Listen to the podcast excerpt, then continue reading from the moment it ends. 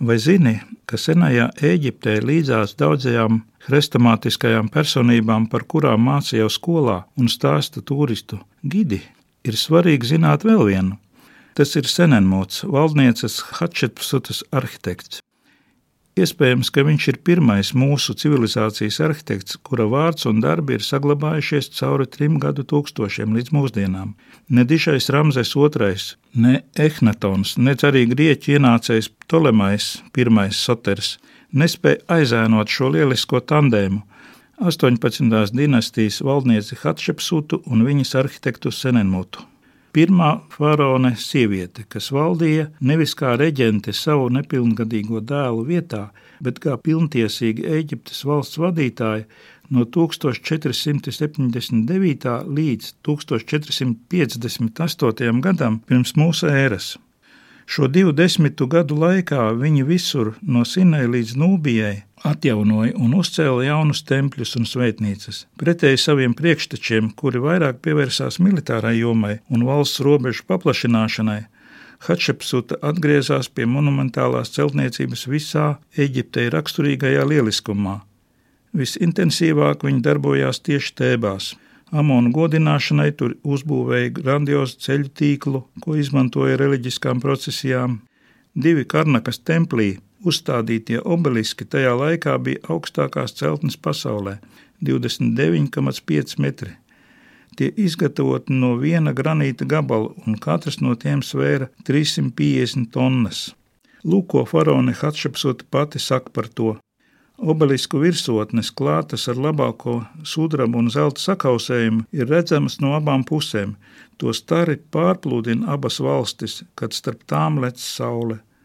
Nīlas rietumkrastā iepretim mūsdienu Luksorai un Karnakai atrodas Hatšepsutas templis, Džezer Džezeru, svētākais no svētajiem. Šī celtne vēl ar vienu spēj iedvesmot ne tikai kā sava laika nemirstīga lieciniece, bet ar savu arhitektonisko pilnību un pārlaicīgo skaistumu. Trīs līmeņu konstrukcija ir iekalta klintī. Plašas ap 30 metru garas terases, sfinksu aleja, baseina ar zilām un baltām ūdensrozēm. Svētais lotos, dateļpalmas un mirdes koki, kas rada ēnu, tas viss padarīja to par vienu no lieliskākajiem tempļiem pasaulē.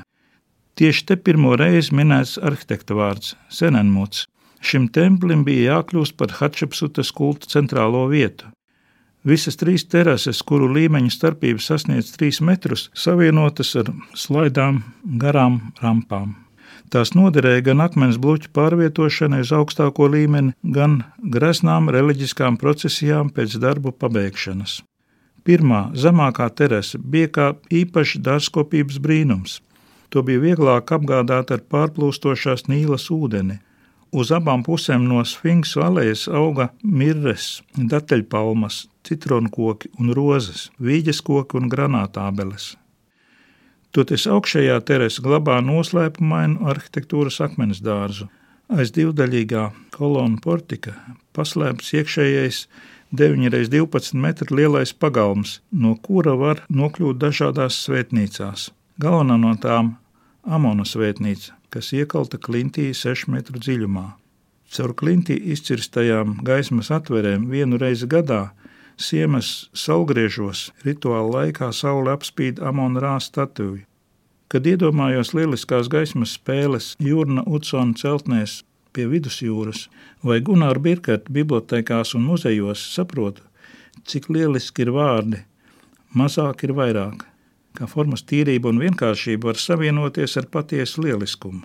Vēl ļoti simpātiski ir Hatšepsutas sarkanā kapela, kas tika uzsākta viņas 17. valdīšanas gadā. Tas ir 1479. gadā pirms mūsu ēras. Neliela, 7,2 metri augsta, 15 metrus gara, 6,5 metrus plata, ar ciļņiem no sarkanā kvarcīta uz pelēka diorīta bāzes.